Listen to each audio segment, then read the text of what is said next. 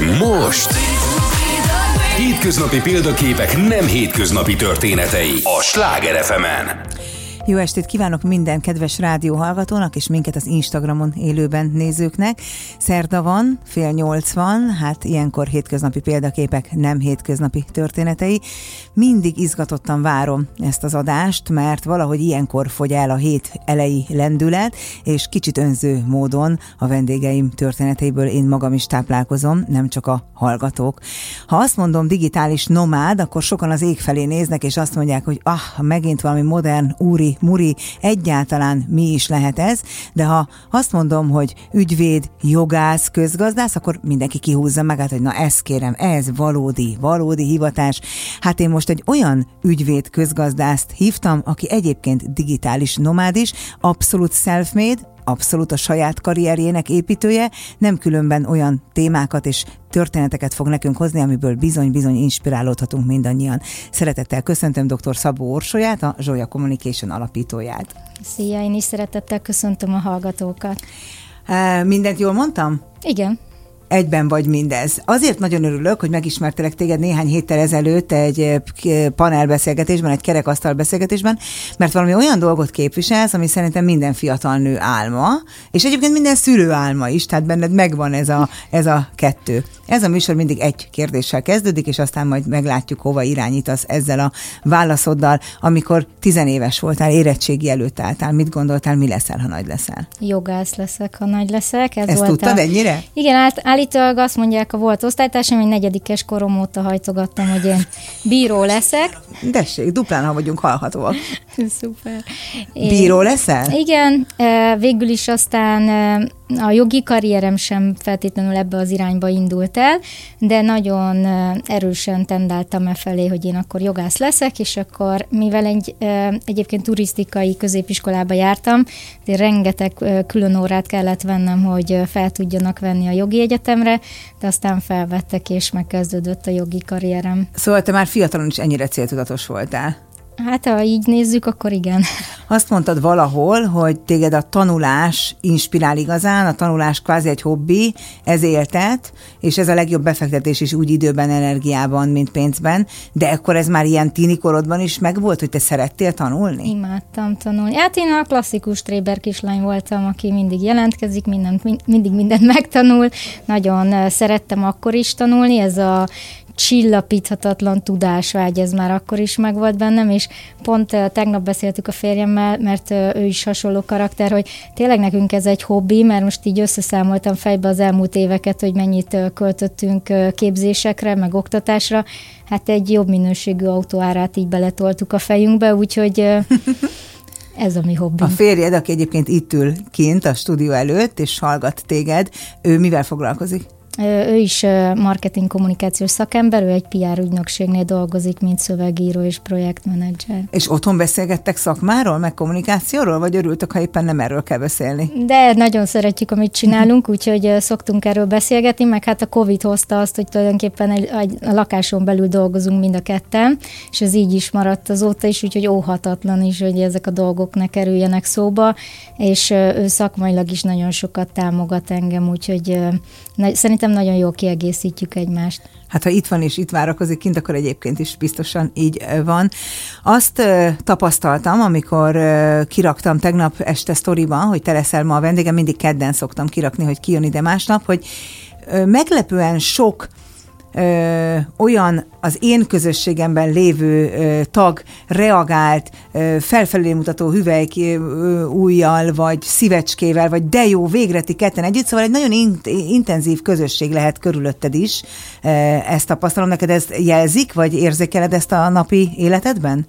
Igen, ugye pont ez volt a téma azon a beszélgetésen, ahol mi találkoztunk, és, és tényleg azt gondolom, hogy a Zsolya közösség az ettől nagyon különleges, hogy iszonyatosan támogató, összetartó közösség, nagyon jó értékrendel, tudásszomjal, és hogy tényleg így meg tudjuk élni egymás sikereit is, úgyhogy az én közönségem hasonlóan reagált erre, mint a tiéd, úgyhogy úgy látom, hogy itt most nagy összetalálkozás volt, mert ők is nagyon boldogok voltak, hogy úristen, ti ketten egy beszélgetésbe, ez de szuper lesz. Nincs is szükség paksra innentől, megvan az energia. Jogászként kezdted az életedet, közalkalmazottként, hogyha ha, ha jól emlékszem, amikor te ugyanannyit dolgoztál egyébként, mint vállalkozóként, tehát az ember hajlamos azt hinni, hogy közalkalmazottak kevesebbet dolgoznak, és te mindig megragad az alkalmat, hogy azt mondod, hogy nem ti, akkor is éjfélig, meg akár éjszakába nyúlóan, azt is nagyon kedvelted? Imádtam. Ugye két típusú ember tudunk nagyjából megkülönböztetni ezt a klasszikus menedzser típust, és van az, aki az a vá- inkább vállalkozó karakter, tehát az egyik inkább munkavállaló, a másik inkább alkotó vállalkozó karakter, és én mind a vagyok, és én nagyon-nagyon szerettem a közszférában is dolgozni, én nagyon szerettem ügyvédként a versenyszférában is dolgozni, és nagyon szeretek vállalkozó is lenni. Én azt gondolom, hogy mindegyikből ki tudtam szedni azt, ami nekem leginkább megfelelő, meg mindegyikbe bele tudtam rakni a személyiségemből, vagy a tudásomból annyit, hogy abból mindenki tudjon profitálni. A szabadságvágy, meg ez a nem is, nem is akarom azt mondani, hogy, te, hogy stréber vagy, mert szerintem az, ha valaki jól teljesít, nem fel. Tehát, hogy ez a teljesítményközpontúság, inkább így fogom hívni, és a szabadságvágy nem biztos, hogy egymással kézen fogva járnak, már pedig benned mégiscsak, mert hogy közben pedig választottál egy olyan hivatást, amelyben a folyamatos utazás és nem helyhez kötöttség szerepelt. Biztos, hogy eljutunk idáig, nagyon előre ugrottam, csak így valahogy hirtelen eszembe jutott, hogy aki ennyire precíz, aki ennyire pontos, aki ennyire nagy munkabírású, milyen fura, hogy közben arra vágyik, hogy ne kelljen egy helyen ülni. Igen, de a kettő ki tudja egészíteni egymást, sőt szerintem akkor tudod sikerre vinni a digitális nomád életmódodat is, vagy vállalkozásodat, hogyha pont ez a kettő meg is van benned. Mert hogy ugye az a sztereotípia él a digitális nomádokról, hogy ők ülnek egy laptoppal a tengerparton, koktéllal a kezükbe, nem tudom ki gépel, de mindegy így néz ki a kép, amit elképzelünk. Ha már diktálsz neki. Igen, diktálunk, és, és akkor minden elkészül időben, de alapvetően akkor tudod jól működtetni a vállalkozást, vállalkozásodat, hogyha ez a nagyon komoly fegyelmezettség, ez viszont megvan benned, hiszen kell, hogy a rendszerek jól működjenek, kell, hogy az emberek jól teljesítsenek, kell, hogy a határidőket pontosan tartsuk, és a legmagasabb színvonalon teljesítsük, mert akkor lesznek új ügyfeleink. Tehát ez a kettő igazából szerintem kéz a kézben is tud járni el akarom eh, kerülni azt, hogy belekérdezgessek a mindenbe, amit egyébként már tudok, eh, hogy tényleg legyen egy követhető íve ennek a beszélgetésnek, bár már most kérdezném, hogy a Portugáliában élő kolléganőddel, akivel sose találkoztál, hogy lehet együtt dolgozni, de el fogok ide is jutni. Dolgozol a közférában, mi az az első pillanat, amikor rájössz, hogy nem biztos, hogy te ezt így szeretnéd? Igazából mindig is nagyon-nagyon szerettem utazni, és egy ponton érzi az ember, főleg amikor már úgy lépked felfelé, és még meg is engedheti magának, hogy többet utazgasson, meg azért ö, nyilván amikor bejöttek ezek az olcsóbb légitársaságok, akkor azért kinyílt a világ nekünk is, és így éreztem, hogy én nagyon szeretnék többet menni, vagy hosszabban külföldön élni, és akkor ez családi okokból nem volt megvalósítható, de így keresgéltem, hogy vajon akkor mi lehet itt a köztes megoldás. A jogi karrier abból azt mondom, tök jónak tűnt, hogy igen, akkor majd valami nemzetközi jogi karrierben elhelyezkedik, és akkor ez tök jó lesz, csak mivel senki példaként nem volt előttem jogászként, azért nem voltam azzal tisztában, hogy a, a jogásság eléggé országhatároz és jogrendszerhez kötött, tehát az, hogy én így kitalálom, hogy én majd utazgatok, vagy más országba elmegyek, az nagyon sok esetben akár azzal járna, hogy újra kéne végezned egy másik ország jogi egyetemét, úgyhogy ez a... Ami egyszer se könnyű, nem, hogy más nyelven igen, még Igen, egyszer. igen, úgyhogy ez az út, ez kevésbé volt járható, bár próbálkoztam bejutni ilyen nagyobb nemzetközi szervezetekhez, de aztán máshogy alakult az élet, és akkor ö, 13-ban már éreztem, hogy én nagyon-nagyon szeretnék elindulni egy hosszabb utazásra, és mindig falakba ütköztem. Tehát tényleg az volt, hogy ide nem tudok menni, mert vízum kell, ide azért nem tudok menni, mert nem tudom, drága, ide hány hónapra lehet. És akkor eh, keresgéltem az utat, hogy hogy lehet, és végül is egy szerencsés véletlennek volt köszönhető, hogy rátaláltam egy vízumra, amivel így egy évig tudtam utazgatni, meg dolgozni, és akkor azt éreztem, hogy na most ez itt a jel, hogy most kell neki indulni. Véletlenül találtál rá, ezt úgy kell elképzelni, hogy a szörcsöltél a neten? Vagy? Nem, úgy kell elképzelni, hogy ahogy én mindent csinálok, én nagyon tudatosan készülök föl mindenre, és ezt is szokták mondani egyébként, hogy hogy fér össze a, az a nagy szabad elvűség, meg, meg spontán kanyarok az életemben ezzel az erős tervezéssel, de pont ezzel védem ki az esetleges rizikókat uh-huh. vagy kockázatokat, hogy azért ügyesen megtervezem. És itt is az volt, hogy próbáltam felgöngyölni, milyen vízumtípus lenne nekem való, és megkerestem egy lányt, aki a külügyminisztériumban dolgozott, hogy beszéljük már át, hogy vajon mi lehetne. És ő mondta, hogy ezt nem sokára bevezetik, már aláírás előtt van. Úgyhogy én már ma, mielőtt kihirdették a jogszabályt, tudtam, hogy jön ez a vízum, és elkezdtem erre felkészülni. Ez most is van egyébként? Tehát, igen, ha, igen. Ha valaki most éppen kedvet kap ahhoz, hogy neki lásson a világnak, akkor ez most ez is a van. Working Holiday vízum, úgyhogy ha körbenéz a social médiában, az az én oldalam, amit ott talál róla, úgyhogy, úgyhogy ez a vízum nagyon jó, mert hogy különböző országokban lehet vele egy vagy akár több évig is dolgozni és utazni egyszerre. Elindultál a nagyvilágnak, ezzel a, ezzel a, a vízummal voltál Portorikótól kezdve mindenhol, ha jól tudom. Hol Costa mindenhol volt? Kosztarika. Uh-huh. Mhm. Hol voltál még? Ezzel a vízummal e, e, igazából a déli féltekén jártam. E, először elindultam Hongkongban volt egy állomásom, aztán átmentem Új-Zélandra, onnan Ausztráliába, elmentem Balira, aztán vissza Ausztráliába és vissza Új-Zélandra. Minden állomás meg volt előre, vagy közben is találtál ki, hogy akkor most Hongkongból hova tovább, vagy Új-Zélandról hova tovább, vagy azért az meg volt? Sarokkövek voltak meg, de azért itt már kell egy nagyfokú rugalmasság, mert ugye amikor szóló utazol, akkor nem tudod ugye, hogy kikkel fogsz találkozni, és mit dob eléd az élet, és milyen lehetőségek vannak. Nagyon precízen előre elkészítettem egy három hónapos menetrendet, hogy kb. hol leszek, mi fog történni, kinél hogy fogok megszállni, és így tovább. És aztán rögtön az utazás előtt pár héttel törölni kellett az első opciót, ami egy pár hónapos ilyen egy, egy, egy tengerparti pékségben vagy kávézóban dolgoztam volna, mint cukrász, de aztán éreztem egy ilyen jelet, hogy mégse kellene ide mennem, úgyhogy az utolsó két nappal az indulásról újra kellett variálni az egészet. Jelet. Hiszel a jelekben? Hiszek, igen, az intuícióban, mint olyanban erősen. Soha nem féltél elindulni egyedül nőként a nagyvilágnak, úgyhogy fogalmad nincs tulajdonképpen, hogy mi vár és hova érkezel? Mm, de azért egy nagyon nagy fokú izgalom volt bennem, de igyekeztem magamat így szépen körülbástyázni biztonsági pontokkal, tehát Hongkongban is egy olyan lánynál szálltam meg, aki ismerős ismerőse volt. Utána, amikor megérkeztem új ott úgy próbáltam meg az első pár helyemet felkutatni, hogy egy új ismerőstől kértem tanácsot, hogy kiknél szállhatnék meg illetve olyan oldalakon kerestem helyeket, ahol láttam, hogy mondjuk jó értékelések vannak, és így tovább, és akkor lenyomoztam nyilván ezeket az embereket. Mert én egyfajtában rettegnék, elrabolnak, szervkereskedők, nem tudom, mit kirabolnak, eltűnik a víz, mindentől félnék. Pedig én egy ilyen nagyon bátor lánynak tűnök, de ezektől a helyzetektől valószínű félnék. Ezeket úgy igyekeztem kivédeni, hogy a barátaim között több is van, aki rendőr, és akkor azt csináltam, hogy mindig, ha mentem valahova, akkor leadtam a címet, le másoltam az útlevelüket, ha például beültem valaki kocsiába, akkor elkértem a személyigazolványot, vagy útlevelét, lemásoltam, azt elküldtem a következő szállásodomnak, meg a magyar rendőrbarátaimnak, és akkor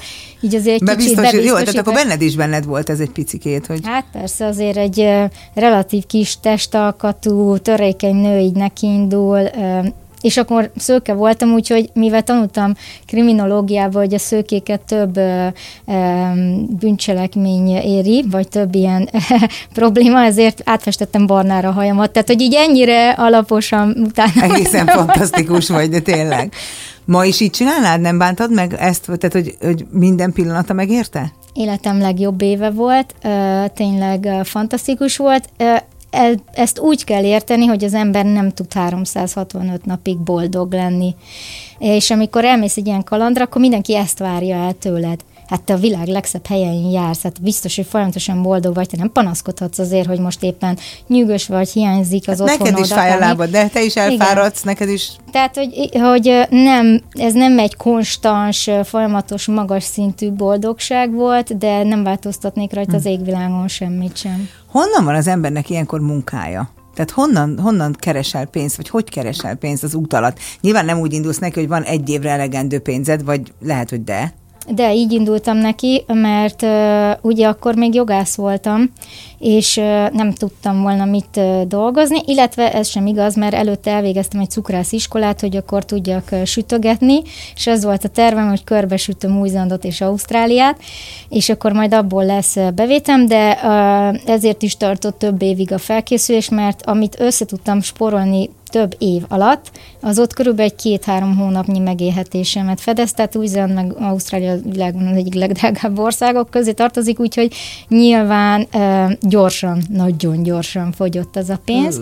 De ezt úgy tudtam megoldani, hogy olyan opciókat kerestem, hogy valamilyen e, munkáért cserébe kaptam szállást és ellátást, úgyhogy én gletteltem, segítettem a bácsinak, nem tudom, felújítani, e, akkor tényleg traktorral dolgoztam, báláztam, e, védett madarakat mentettem, méhészkedtem, szóval egy csomó mindent csináltam, amit addig nem ha valaki szeretne téged látni ezekben a szerepekben, akkor van egy TED beszéded, vagy egy TED fellépésed a YouTube-on megnézhető, és ott, amiközben ezekről beszélsz, vetítesz képeket önmagadról, úgyhogy szerintem érdemes belehallgatni. Meg egyébként is érdemes meghallgatni azt a, azt a gondolatsort, amit ott elénk társz, mert az is olyan, hogy kapaszkodó, hogy uh-huh. tényleg el vagyunk itt az életünkben a kis nyünyükéinkkel, meg a kis berögzött szokásainkkal, és közben olyan csillogó szemmel beszélsz arról, hogy miért jó a szabadságnak neki indulni, hogy szerintem valóban érdemes volna mindenkinek meghallgatnia. Haza kell jönni egy év után. Haza. Az a teljes borzalom lehet ilyen szempontból, hogy vissza kell ülni az irodába, felvenni a kis kosztümöt, gondolom, akkor még. Hogy élted ezt meg? Hát vagy négy évig volt honvágyam vissza Újzándra. Nagyon-nagyon komoly ilyen depresszióba estem, miután hazajöttem az utazásból, tényleg évekig tartott, ezt feldolgozom, hogy haza kellett jönnöm, és pont a minap jutott eszembe, hogy elmentem az első állásinterjúmra, amikor leszálltam a gépről rá, szerintem két napra, bementem egy minisztériumba, és tényleg szinte nincsen rossz állásinterjús élményem vagy emlékem, de ez abszolút közéjük oh, tartozik. Még akkor ez is. És akkor az, az történt, hogy annyira más világot képviseltünk azzal az államtitkárral, akivel akkor épp beszéltem. Jöttem én, aki nép már csak nem volt rajta a hátizsák meg a bakancs, hanem visszapréseltem magamat a kiskosztümbe, bementem, és ugye kérdezte, hogy mi ez a lyuk itt a szívimben, hogy hol voltam egy évig, és én mondtam, hogy utazgattam. De az mire jó? És így, amikor így érzed ezen a ponton, hogy Szerintem fejezzük is be ezt a beszélgetést, mert mi annyira két külön világot képviselünk, hogy sose leszünk egy lapon, és ő engem nézett teljes, láttam, láttam az arcán, hogy ez a lány, ez őrült, ez biztos, hogy megborult, elment jogászként, tök magas pozícióba dolgozott, hát normális ez. Én meg őre néztem, hogy te tényleg megkérdezed, hogy mire jó az utazás? Hát normális vagy te? Hú, ezt nagyon, nagyon ismerem más szempontból. Én a, én a nagyon-nagyon magas biztos állásomból azt gondoltam, hogy nekem nem kell pozíció, nekem nem kell semmi, én csak dolgozni szeretnék, és hagyjanak engem békén, és én akkor lettem vállalkozó, amikor ez még nagyon nem volt pozitív szó, és mindenki így nézett rám, hogy na, ennek biztos elment a józan agya, úgyhogy én ezt értem, és barom érdekes, ami összeköt minket, mert én egy dolgot mondtam belső körökben, hogy én csak szabad szeretnék lenni. Hmm. Tehát, hogy nekem nyilván nem az utazás hozta ezt, de, de lehet, hogy az is ok- ok- okozhatta volna. Én valószínűleg nem voltam ehhez elég bátor. És utána, oké, okay, nem mentél el ebbe a minisztériumba, gondolom, a külön nézőpontok okán, de mit csináltál itt van? Vagy már, már, már nagyon érezted, hogy nem lesz ennek a keretrendszere meg az új életedben? Nem, hanem az volt, hogy új találkoztam egy hölgyel, aki egy multinál dolgozott, magyar volt, és mondta, hogy őt a multiból helyezték át ide. És mondtam, hogy akkor megvan a megoldás. Multi. Nekem be kell jutnom egy ilyen Big Fourhoz, és akkor ők majd engem áthelyeznek. De Big Fourhoz megpróbáltam én korábban is bejutni, de mivel jogász vagyok, és ezek meg inkább adott tanácsadók közgazdász cégek, ezért nem nagyon kellett nekik jogász. De nekifutottam újra ennek a projektnek, és képzeld el, hogy a szívimben ez a kiegészítés, hogy én utazgattam egy évig, és ezt és ezt csináltam, ez annyira felkeltette a HRS-nek a, az érdeklődését első körben, hogy be is hívott. Utána bedobtak mindenféle próba feladatokra, illetve találkoztam a partnerrel, akihez kerültem, és ő mondja, hogy és akkor, és akkor tényleg utazgat, tök jó, és, és mondja, hogy van neki egy utazós blogja, mondom, nekem is van egy. És akkor így kinyitotta az enyémet, és az állásinterjú közben hahotázva olvasta a posztjaimat, és láttam, hogy jó, én ide bejutottam a blogomnak köszönhetően, és nem utána egyébként hétkörös volt az állásinterjú, tehát hogy így meg, megdolgoztam érte, és az volt ott a gondolatmenete ennek a partnernek, hogy színesítsük a portfóliót, vegyünk föl az üzleti tanácsadás részre egy jogászt. Úgyhogy oda a 120 fős részlegre beraktak engem, aki ott egyedül jogászként bókláztam a folyosón, és tényleg olyan volt, mint hogyha lenne 119 kék kocka, és köré egy piros gömböt így beraktak volna, és is mindenki nézett rám, hogy ez a lány tök máshogy gondolkodik, nem tud egy normális Excel-t kezelni, mindent Wordbe akar leírni, pedig mind tudjuk, hogy Excelbe kéne. Szóval az egy vértizzadós év volt, viszont ezt a business mindsetet, ezt ott nagyon rákaptam. Tehát, hogy, és az volt az érdekes, hogy hogy bár a felsővezetésnek megvolt ez a célja, hogy színesítsék, hogy jöjjenek be új kreatív gondolatok, új mindset, és ez milyen jó, de lentebbi szinteken ez még nem ment át.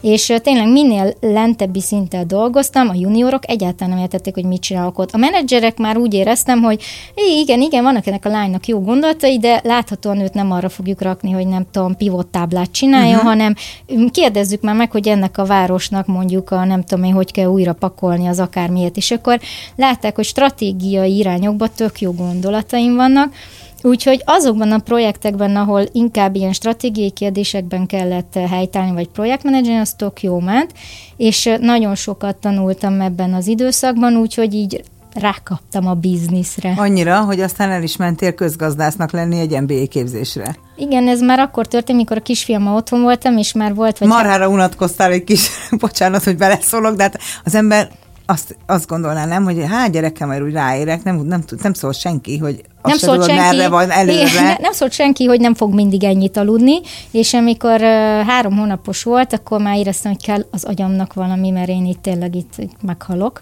És akkor kinéztem egy ilyen könnyed MBA képzést, hogy jó lesz az, és képzeld el, hogy egyedüli nőként voltam az osztályban. Ott is te voltál a piros pötty a kék kockák voltam, között. És amíg a fiúk lementek cigiszünetre, én fejtem a női mosdóban, tehát hogy így az e- ennyire meredeken indult. Igen, de meglett, és akkor, mikor meglett ez a diplomám, akkor visszamentem a cégemhez, hogy akkor... Most már Excel táblákat jó, nyitok, kérem. Közgazdász vagyok, akkor tök jó, és mondták, hogy ez igazából minket annyira nem érdekel. Jó. Hát azért ezeket mindig magunknak állítjuk, ezeket Igen. az elvárásokat leginkább. Igen. Igen. Azért egy ilyen MBA-t megcsinálni, az nagyon sok tanulással jár.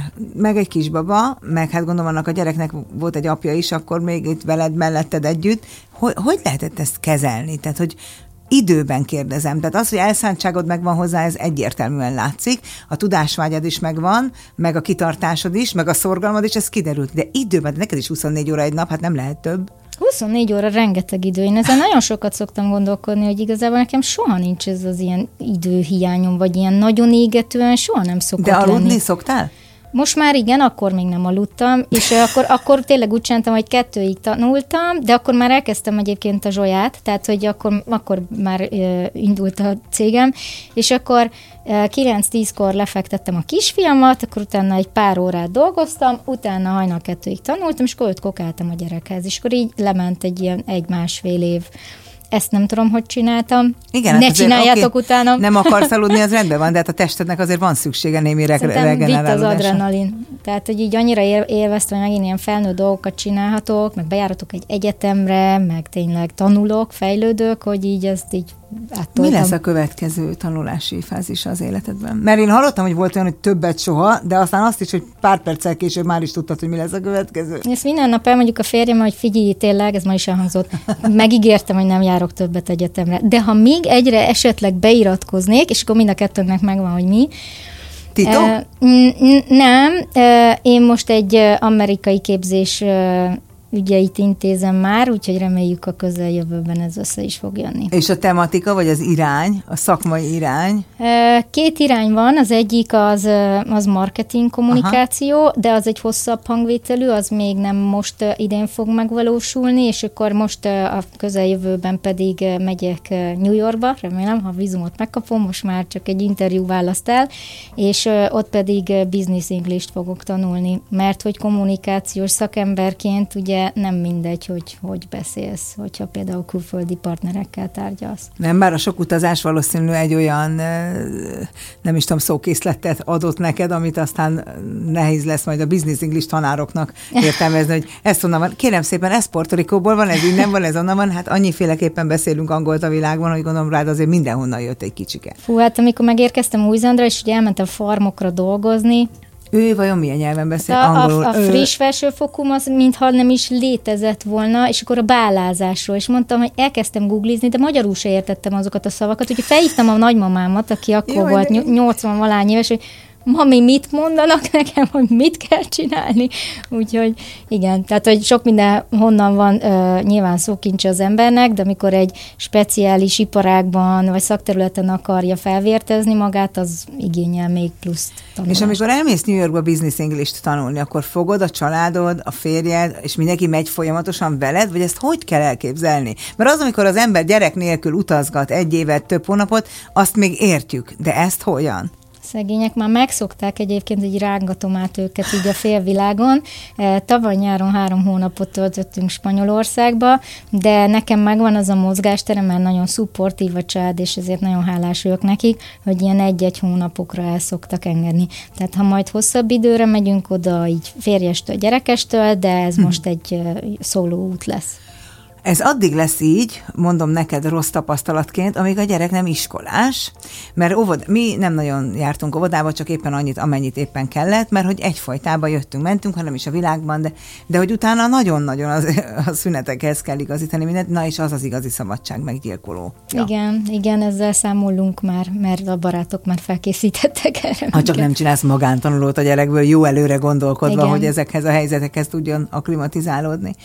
A Zsolya megalapul, megalakult, mondtad akkorra már. De még csak a tevékenység, vagy már a neve is megvolt, és egyáltalán hogy mikor alakult a Zsolya?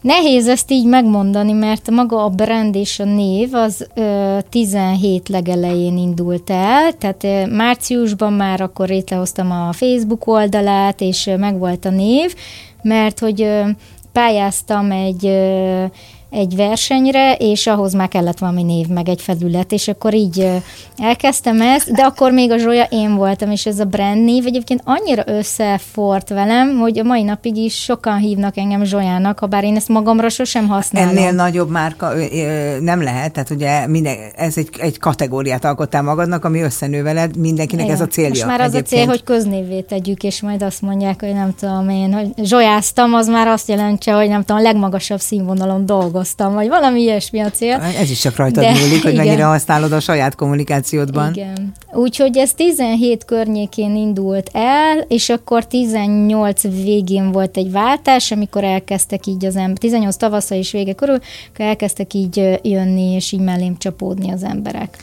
Mi az a döntés, amikor visszajössz, vágysz vissza, de itthon is jó, beletuszkolod magad a kis kosztümbe, de nem találod, de aztán meg is találod az állást, élvezed ezt a furcsaságot, ami a munkahelyeden adódik neked, a kis pötty és a, és a kék kockák viszonyából, de mégis, amikor újra felkerül a hátizsák és elindulsz, és akkor már nem leszel többé jogász, mert ez egy döntés, hanem azt megtapasztalod, valami ilyesmire emlékszem, hogy egy barátnőd könyvet írt, és segítségre volt szüksége, és te beugrottál, és ott tapasztaltad meg először, hogy tulajdonképpen egy wifi-vel és egy notebookkal bárhonnan lehet.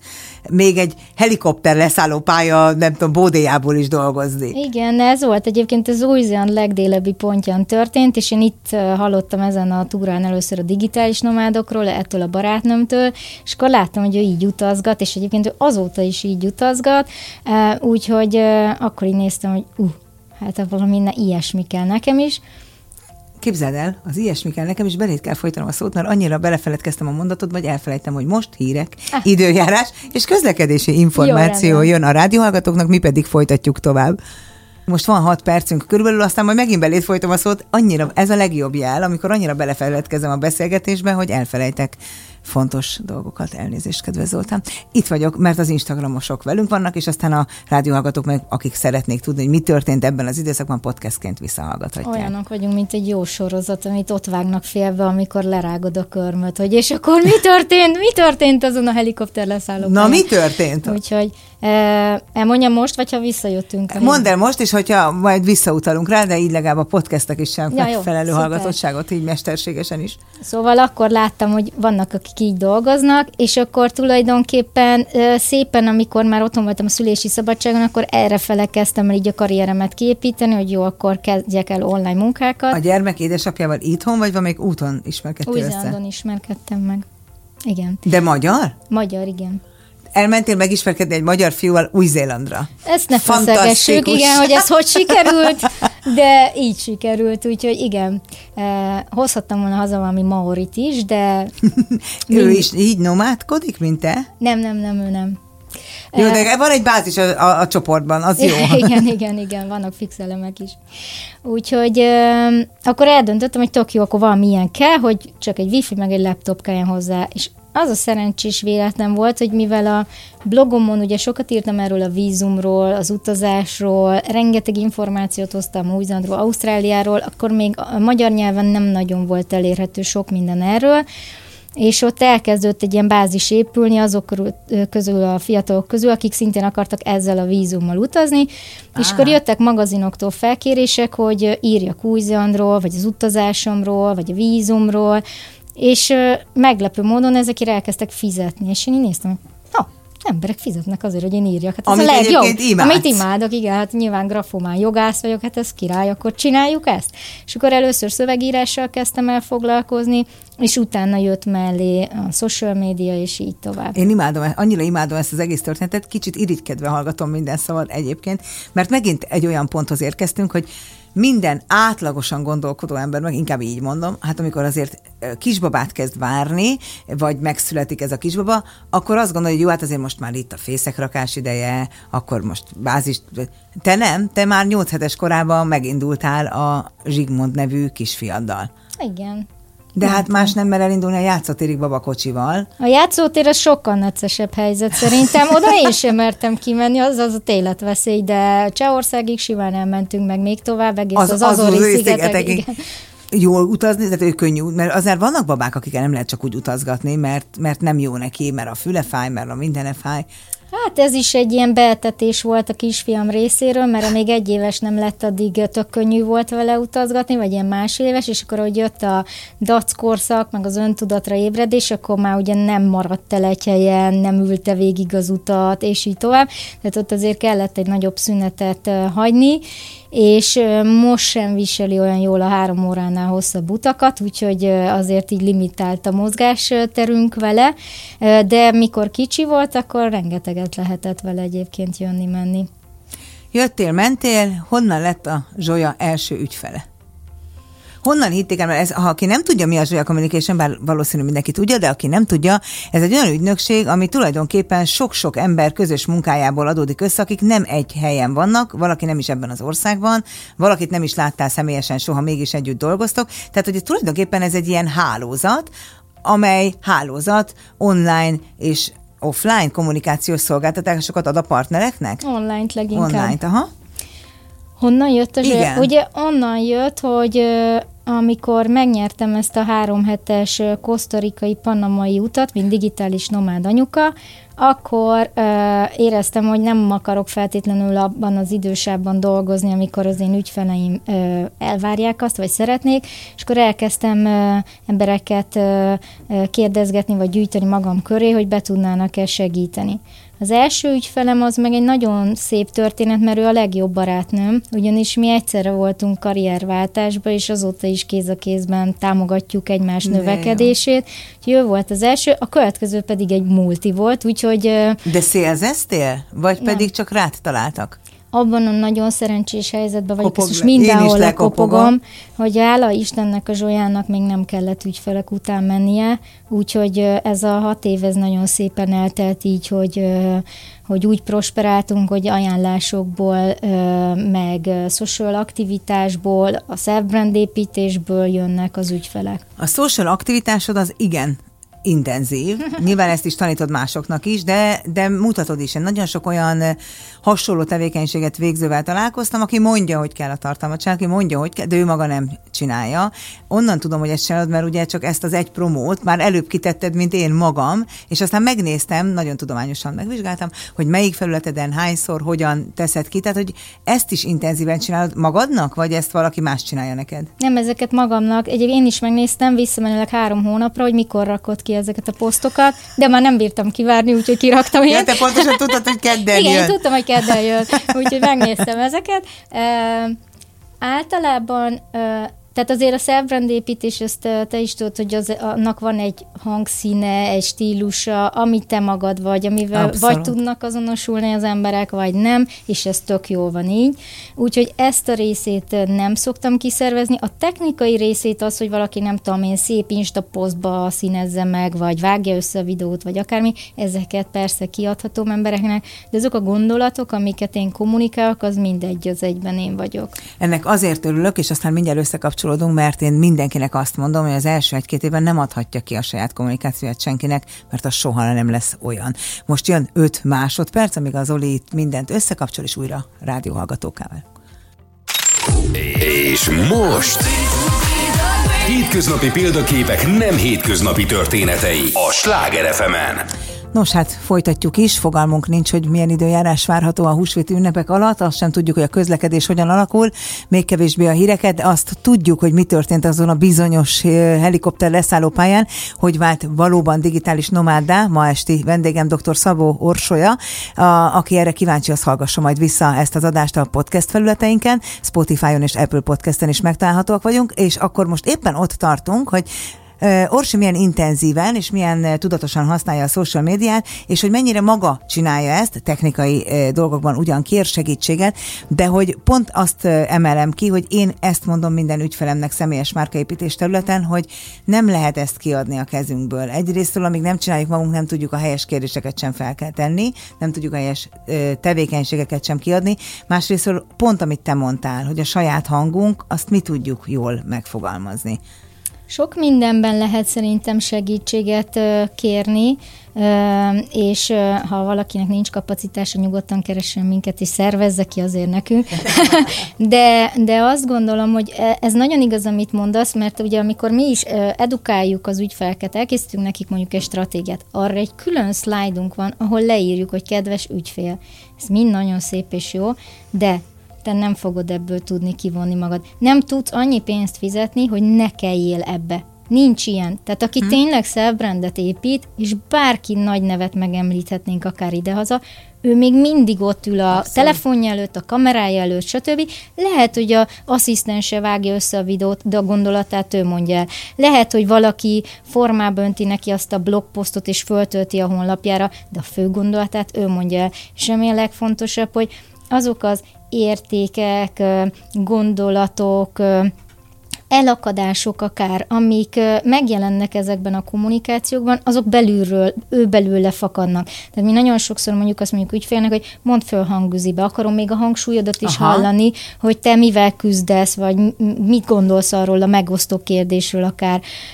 És tök jó, aki lehet egyébként tanulni egy-egy embernek a hangszíni stílusát, de ha hozzászokik ahhoz mondjuk, hogy minden megcsinál helyette mondjuk egy ügynökség vagy egy szabadúszó, akkor azt a pluszt nem teszi pont bele, ami a mindennapi élet vitelébe, hogy most ő ívott egy kávét, ó, ez egy jó tartalom ehhez. Most nem tudom én, kiszalkalikből erről csinálok egy sztorit, mert hogy megszokja azt, hogy a tartalmat valaki legyártja, és pont a, ami az egész szépsége a social media kommunikációnak, hogy van egy ilyen kétirányú kommunikálás, és tényleg minden azonnal ilyen real life-szerűen történik, ezt vonjuk ki a képletből, hiszen ha én átküldöm azt valakinek, aki megszerkeszti, én holnap, validálom, holnap majd öt nap múlva kimegy az, ami tegnap előtt történt, annak már teljesen más a színe. Ezt hol tanultad meg? A social media, tartalomgyártást, kommunikációs stratégia, ezt, ezt honnan tudod? Ötvöztem a korábbi tudásaimat. Én azt szoktam mindenkinek mondani, aki pályaváltásban gondolkozik, hogy ez, ez nem olyan, mint hogy levágják a két kezed, és te nem tudsz többet fodrászkodni, hanem ott van a fejedben egy tudás, csak átalakítod egy másik területre. Na jó, de a social media nem ilyen, tehát azért az algoritmus tudni, hogy mit posztolj, hogy posztolj, ezek percenként, nem, nem is percenként, de gyakran változnak. Mit akar a Két Facebook, percenként. mit Igen. akar az Insta, épp mit csinál a LinkedIn, kell -e TikTok, nem, tehát hogy azért ehhez... Nem, ez... Ezt, ezt teljes mértékben meg kellett tanulni, de ezeket nemzetközi kurzusokból, vagy előttem járó social uh-huh. media szakértőktől tanultam meg, de azt a stratégiai gondolkodást, ami úgy, úgy hiszem, hogy, hogy kiemel minket a tömegből, azt viszont pont pont a korábbi munkákból, vagy azt az ügyfélkezelést, az például az ügy, ügyvédkedésből, Aha. vagy a korábbi, nem tudom, közférás munkáimból. Tehát azok a plusz skillek, amik miatt nagyon gördülékeny, jó minőségű egy együttműködés az ügyfeleinkkel, ezek mind a korábbi életembe jöttek, azokat tök jól ö, bele tudom ültetni, vagy azt a kritikus gondolkodásmódot, amivel engem szoktak illetni, hogy tök jó, hogy felteszed ezeket a kérdéseket egyáltalán, azok is mondjuk a jogásságból jönnek, mert amikor elmentél egy tárgyalásra, ott mindent szét kellett bombázni, uh-huh. hogy vajon az úgy helytálló-e. Most is mindenki otthon ül és otthonról dolgozik a csapatodban? Tehát van nem irodátok? Tudom, hogy, nem tudom, hogy hol vannak éppen. Nincsen irodánk, nem is volt, és szerintem nem is lesz. Van olyan, hogy egyszerre találkozik mindenki, mondjuk egy ilyen, nem tudom, karácsonyi buli, vagy csapatépítő tréning, vagy bármilyen olyan esemény? 60-70 százaléka a csapatnak szokott ilyenkor összejönni, megpróbálunk egy nyári sütögetést, ha mi éppen nem vagyunk valahol, meg egy karácsonyi vacsit, ezt a Covid óta csináljuk, de az első három-négy évben senkivel nem találkoztam, úgyhogy fura volt ez, hogy 3D-ben megtapogatni az embereket. Ó, veled dolgozok, nem tudom hány éve. Honnan tudsz bízni olyanokban, akit egyáltalán még csak nem is láttál, csak egy kétdés képernyőn keresztül? Nagyon hiszek a kémiában, szerintem ez nagyon fontos. Nagyon-nagyon szeretem az embereimet, akik dolgoznak velem, és mivel nem nagyon cserélődnek, mert elvileg jól érzik itt magukat, ezért azt gondolom, hogy ez tényleg e, ez az egyik, amin nagyon alapul. A másik, hogy én nem hiszem, hogy egy ember attól dolgozik jól, hogy ott állsz a válla mögött és figyelgeted, hogy mit csinál. Én eléggé határidőmániás vagyok, ez még jön a jogásságból, tehát azt tudják, hogy két dologból nem engedünk, határidőből és minőségből. És e, ezt viszont nagyon komolyan számon kérem, tehát hogy ott úgy vannak a folyamataink kidolgozva, hogy mindenre van rálátásom, de megvan azért a, a saját mozgásterük, mert tudom, hogy fejlődni is úgy tud valaki, vagy, vagy motiváltnak is úgy érzi magát, hogyha érzi azt, hogy bíznak benne. És én azt szoktam nekik elsőként megtanítani, hogy nincsen semmi baj abból, ha hibázol, vagy nem tudod, én annyit kérek, hogy kérdezz. Uh-huh mert hogy emberek vagyunk, és én amúgy csomó minden nem tudok, amit ők igen, tehát jó esetben én vagyok a legbénább a csapatban, Hát ugye? jó esetben úgy vagy jó vezető, ha nem olyanokat gyűjtesz, aki azt tudja, amit te, igen, hiszen igen, azt te igen. tudod, hanem olyanokat pont, akik azt tudják, akik nem, amit te nem, és engem. akkor igen, szélesedik a spektrum. Igen, tehát hogy ők nagyon fantasztikus szakemberek a maguk területén, de biztos, hogy találkoznak olyan ö, kérdéskörrel, amihez mondjuk nem értenek, vagy bizonytalanok, vagy ügyfélkezelésben nem tudják, hogy reagáljanak, és akkor, hogy ilyenkor merjenek szólni. És az első pár alkalommal látom, hogy belefutnak ebbe, hogy határidő előtt két perccel szó, hogy még hozzá se kezdett, mert, hogy, mert hogy nem tudta, hogy csinálni, és mondom, és miért nem kérdezted meg? Hát, hogy nem mert, és akkor ezt kétszer-háromszor így megfutjuk, de már ügyes vagyok, mert úgy játszok a határidővel, és hogy pontosan tudom, hogy milyen karakternek milyen határidőt kell mondani, hány nappal okos, előttét kell okos. mondani. És akkor, és akkor megtanulják ezt, hogy itt ez tényleg egy olyan biztonságos terep, ahol lehet kérdezni. És a főnök nem fog, a főnök, nincs ilyen nálunk, Értem, de, hát... nem fogja levenni a fejemet azért, hogy én nem tudok valamit, vagy nem úgy gondolkodtam, ahogy ő. Van social media ügynökség, ilyen, olyan, kicsi, nagy, jó, kevés, hm. de egyik tulajdonosa köré sem épül ilyen közösség mi köti össze a te közösséget, vagy egyáltalán ez hogy alakul, hogy, hogy ilyen élő, hozzád ennyire kapcsolódó közösséged van? Vagy a Zsolyának, de inkább neked. Először is akkor szeretettel köszöntök mindenkit, kedves Zsolya követők, és millió puszi nektek. Ilyenkor az ajmaftosok azt mondják kórusba, válik, hogy egyszer csináltam egy point egy előadáson, hogy egy, arra vágyom, hogy egyszer kiálljak egy színpadra, és azt üvöltesem, hogy nem látom a kezeket. És ilyenkor mindig ezen rögnek, hogy akkor most ez a mondat jön, bocsánat, csak eszembe jutott. Igen, lehet, hogy legközelebb ezt Na de ez is milyen édes, hogy rögtön köszöntöd őket. Tehát, hogy ez egy ilyen élő kapcsolat lehet köztetek. Ez egy nagyon élő kapcsolat. Szerintem annyira érzik, ahogy így megéljük egymás projektjeit, siker sikereit, hogy tényleg egy ponton túl az ügyfelek nagy része már, már, már barát, de szerintem te is abszolút ezt érzed a közösséged, vagy legalábbis ez jön át nekem a te posztjaidból is, hogy mint egy család olyan lesz, és amilyen te vagy, egy idő után olyasmi karakterek gyűlnek köréd. Tehát nálunk nagyon sokszor megjegyzik ezt, hogy mennyire edukált, nyitott, toleráns, jó értékrendű emberek gyűltek itt össze, Azért, mert, mert nem tud magával mit kezdeni az, aki nem passzol ebbe hmm. bele, és el is hagyja ezt a terepet. Másrészt meg sok olyan programot is találok ki, vagy projektet, ahol tudatosan összekapcsolom őket, és ezt imádni szokták, úgyhogy... Abszolút imádják, igen. Ők sem találkoznak élőben, vagy vannak a közösségednek offline eseményei? Igen, azért igyekszem, és sokkal többet kellene, mert ezt látom, hogy nagyon igénylik. Vannak zsolyabráncsaink, amikor ilyen kis kellemes reggelivel örülünk egymásnak. Vannak események, amikre elmegyünk és találkozunk, mastermind napunk, tehát hogy igyekszünk, sokkal több kellene ebből.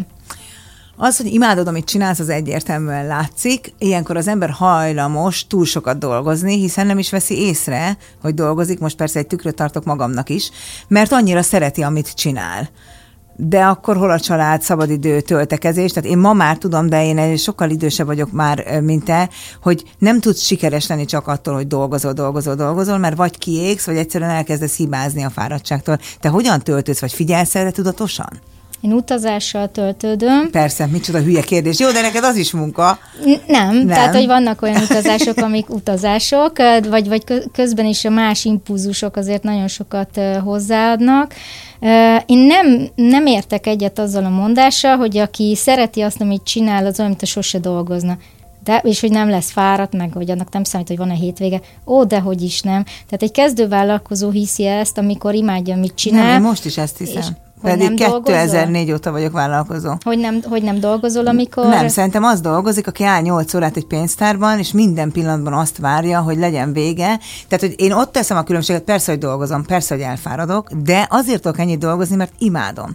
Tehát én, de akkor ugyanazt mondjuk. A különbség én szerintem ott van, hogy én hétfőtől péntekig azt várom, hogy legyen már hétvége, és ne kelljen dolgozni, vagy már hétvégén érzed vasárnap délután, hogy jó, de jó, mert már hétfőn indul ez vagy az a projekt. Én inkább ezt így, így értelmezem. Ö- igen, de én a dolgozást magát nem élem meg egy negatív szónak, vagy egy negatív érzetnek. Én is nagyon szeretem a munkámat. Ugyanakkor mostanra már megtanultam azt, hogy nem lehet mindig dolgozni, mert hogy tényleg vissza kell tölteni ezeket Abszolút. az energiaraktárakat. Tehát amíg régen tényleg nem létezett más, szerintem az első négy-öt évében ez, ez egy szerelem volt, tehát én egy hmm. bódulatban voltam teljesen. Hogy De most is csillog a szemed ám, tehát jó, nehogy hát azt hidd, hogy ennek vége. Jó, akkor jó, akkor még tart a rózsaszínköd. De most már azért célirányosan figyelek arra, hogy töltődjek, és túl vagyok életem első burnoutján, ami korábban sosem történt meg, de, de a Zsolyában már igen. Amúgy nem is dolgoztam soha ennyit egy munkahelyen, úgyhogy meg is ők rajta lepődve. Nem is volt egyik se a tiéd. Igen, még mindig itt dolgozom, de, de azt is el kellett fogadni, hogy igen, akkora lendülettel, szenvedéllyel, mennyisége vetettem ebbe magam, hogy bizony elfogytak az energiák, és újra kellett tölteni. És akkor utazással töltekezel? Utazással, a barátaimmal, egy jó vacsorával. A barátaid mennyire fogadják el egyébként, hogy ráérsz vagy nem? Mert ugye ez egy standard probléma szokott lenni, hogy hogy nem nagyon érsz rá, spontán szinte soha nem érsz rá, annyira minden meg van tervezve, és egy idő után úgy felhúzzák ezen az orrukat. Mm, van azért ennyi rugalmasság a munkavégzésemben, hogy, hogy azért jól tudok alkalmazkodni, nem inkább a családgyerek az a szűk keresztmetszet, és mivel a legjobb barátnőm is vállalkozó, ezért pont ma délelőtt is vidéken voltunk, aztán beültünk egy órára a kedvenc kávézónkba, és megállapítottuk, hogy fene jó dolgunk van. Hogy Hol van vagyunk. a kedvenc kávézótok? Dunakeszin van egy nagyon kellemes kis kávézó, és oda szoktunk beülni, mert az a két lakás pont a közepén van a kettő lakás útjának, úgyhogy ott szoktunk találkozni. Mennyire keresnek meg téged vállalatok? Nem azért, hogy a Zsolya legyen a social media ügynökségük, vagy az online stratégájuk, hanem hogy te, mint dr. Szabó Orsolya influencerként, jó értelemben vett business influencerként segíts nekik építeni egy-egy terméket? Influencerként még nem kerestek meg, kivéve gluténmentes kekszmárkát. keresnének meg, Ez érdekes. nagyon kedves, akkor itt üzenem mindenkinek, hogy ez egy Biztos, hogy a szemüvegkeret forgalmazó lennék, csak téged keresnek meg, hogyha gadgetokat csak téged keresnék, de nagyon sok dolgokkal, dologgal téged megkeresnélek szerintem. Uh-huh. Ez még nem, valahogy nem jutott eszükbe, meg szakértőként szoktak, meg előadásokat tartani, fellépni, tréningeket tartani, tehát abszolút, és én bevallom őszintén, ez a szakmai hiúságomnak viszont jót is tesz, mert én nekem mindig is célom volt, hogy én egy szakmai influencer legyek. Tehát nekem ez nagyon fontos, hogy benne legyen az a szakmai érték, amikor én oda megyek valahova előadni, fotózkodni, szerepelni, uh-huh. megjelenni, hogy ott mindig legalább egy értékeltő gondolat elhangozik, és ne csak az legyen, hogy itt van ez a lány, és tök jó mutat rajta a szemüvegkeret. Úgyhogy, úgyhogy inkább ilyen külsős tanácsadóként szoktak felkérni, vagy tényleg akár van egy marketingosztály, de jó nekik a friss gondolat, és így ilyenekkel keresnek meg. Hova? Mi New Yorkban hallom, hogy mész, de van-e olyan vágyad, hogy akkor a következő nagy pár hónapos elvonulás az célállomásilag ez vagy az? Az is Amerika, és meg is van már, hogy hova, csak az nem idén lesz, hanem majd reméljük a jövő év után. Ha ennyire könnyen mozogsz, akkor miért itt van a bázis? Miért nincs az, hogy hogy bárhonnan tudsz digitális nomádként ingázni, akár ahogy Budapest, Balaton teljesen mindegy, de ez bármelyik ország is lehetne. Ugye mi egy mozaik család vagyunk, és a kisfiamat felesben neveljük az édesapjával, úgyhogy ez azért egy erős kötöttséget ad, úgyhogy itt a mi mozgásterünk az mindig addig ér, hogy az még az édesapjának is komfortos legyen, egymásnak ők ne nagyon hiányozzanak, egymást könnyen meg tudják látogatni, és olyan időtartamra megyünk el, ami mindannyiunknak megfelelő. Most ebben nem fogok belemenni, mert ez a, ez a műsor abszolút nem a magánéletről szól, de azért ez így mélyen elgondolkodott, hogy valaki, aki végre megtalálja ezt a szabadságot az utazásban, az micsoda egy borzasztó nehéz és nagy döntés, akkor, akkor egyik serpenyő, másik serpenyő, szabadság, csak, hú, nem voltál könnyű helyzetben, amikor azért ezt így az életemet sok ilyen nehéz döntés kísérte végig, már a 20-as éveimben is. Mindig volt valaki, akire tekintettel kellett lenni, és ez helyhez kötött engem, úgyhogy igazából ez egy nehéz kérdéskör, meg tényleg ez sok kötöttséggel jár, de ha nem ez lenne, akkor lenne más. Amikor hmm. az ember édesanyjává válik, akkor egyébként is a gyereke vagy a gyerekei lesznek a prioritás. Itt most ebben ez a nehézségi faktor. A gyereked játszik már uh, ma is, hát én arra gondolok, hogy az én gyerekem gyakran játszotta azt ilyen 5-6 éves korában, hogy telefonnal, tehát valamit a kezébe vett, mintha egy telefon lett volna, és hangosan föl alá sétált a lakásban, ebből láttuk, hogy azért nem kéne ilyen dinamikusan sétálni nekünk sem, amikor telefonálunk, és baromira, baromira eh, eladott, vett eh, sztárokat színpadra, nem színpadra, tehát hogy nagyon viccesen játszott el minket, hogy nem, nem... Igen, a Zsigmond is fogja a tabletjét, és akkor bekapcsolja a kamerát rajta, és felmond egy komplet élőzést, meg ez a máló? Ez, ezt ezt, ezt mi se hittük el, amikor először láttuk, és akkor kicsit Zoko is vett, hogy nem jók voltak a kameraállások, és hogy én tanítsam meg őt, tehát mondom, fiam, én se tudok kamerázni, de oké. Okay. És, a, és akkor múltkor megkérdezte tőle az, valaki, nem tudom, amelyik fejlesztő pedagógus, hogy és anyukád mit csinál, és akkor, hogy mondta, hogy hát dolgozik, és hogy hol dolgozik valami vállalatnál? Hát a zsolyában. Úgyhogy igen, és, és, és akkor el szoktam mondani, hogy szövegíró lesz, vagy most a legújabb az, hogy a vonatvezetés mert ő sztár lesz, ezt kifejtette a minap, és ezt úgy kell elképzelni, hogy ő lesz majd a színpadon, megy rá a reflektorfény, lesznek, lesznek táncosai, és valaki a hangmérnök meg beállítja a megfelelő hangokat, mondtuk, hogy rendben. Úgy, Ezt hogy... mindenképpen vegyétek fel, amikor egyszer elmesél, hogyha véletlenül egyszer tényleg ez lesz, akkor be tudják játszani valami életműdi előtt. Pénzt ezt fogunk a keresni vele, igen. Ezt az, hát tudod, életműdi előtt, Abszolút. akkor milyen édes az a videó, ahol már gyerekkorában is ezt mondja. Igen, igen. Van benned ilyen vágy, hogy esetleg majd ez akkora cég legyen, hogy majd a gyermeket folytassa? Mm, nem, olyan vágy van bennem, hogy nagyon szeretném, hogy megtalálja azt, amit ő is ilyen szenvedéllyel tud majd mm. csinálni, Én azt gondolom, hogy ő egy nagyon különleges, minden anyuka ezt gondolja, de én is ezt gondolom, hogy nagyon különleges Mert mindaz is karakter. egyenként. Igen, és, és látok benne nagy potenciált, hogy valami nagyon különleges dolgot fog csinálni, szóval nem tervezünk semmi komolyabbat, egy-két Oscar vagy Nobel-díj, de amúgy így azt csinál, amit akar. Én azt szoktam mondani, hogy mindegy, mit csinál, csak boldog legyen, és Igen. hozza ki önmagából, magához képest a legtöbbet, hogy legyen benne egy ilyen vágy. A többi nem számít, bár egyszer valaki azt mondta, hogy ezzel se csinálok jót, mert ezzel nyomasztom, hogy a legjobbnak kell lennie, tehát hogy a jobb, ha meg se gondolunk, meg meg se szólalunk ma már. Ez a végállomás, vagy lesz még karrierváltás? Hét darab végzettséged van, OK és diploma és egyéb, tehát hogy lesz még váltás vajon? Hát ki tudja, milyen hosszú az élet, én nyitott vagyok mindenre, úgyhogy nekem ez egy pozitív dolog igazából, hogy ennyi mindent kipróbálhatok, meg ennyi mindenbe elmélyülhetek. Most úgy érzem, hogy nagyon a helyemen vagyok, de még bármi lehet ebből. Amikor a sikerről szoktak beszélni, azt nagyon nem szeretik, amikor mondd meg, hogy mi a siker, mert nyilván mindenkinek más, de mégiscsak tőled azért kell ezt megkérdezni, mert te minden területeden sikeres voltál, amit elkezdtél, tehát valamit nyilván tudsz erről, vagy egyáltalán arról, hogy mi a siker maga. Hát kinek mi a siker maga?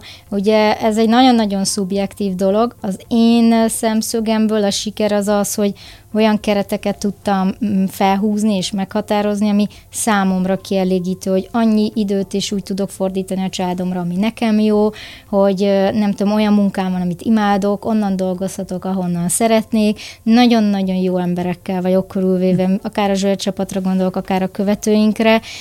Ezek minden egyes nap töltenek és boldogsággal töltenek fel engem, úgyhogy nekem ez a siker.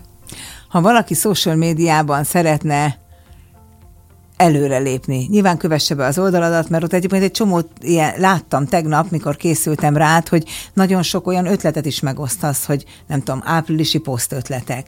Szerinted én azt tapasztalom, és aztán mindjárt megkérdezem, amit szeretem volna, hogy még a mai napig nagyon sokan azt gondolják, hogy jó, a social media nekem nem van, mert nem teszem ki oda az életemet, miközben ha tudatos kommunikációs eszközként használod, akkor nem is ez az elvárás, hogy ezt rakja, hogy a gyerekép fújja el a gyertyát.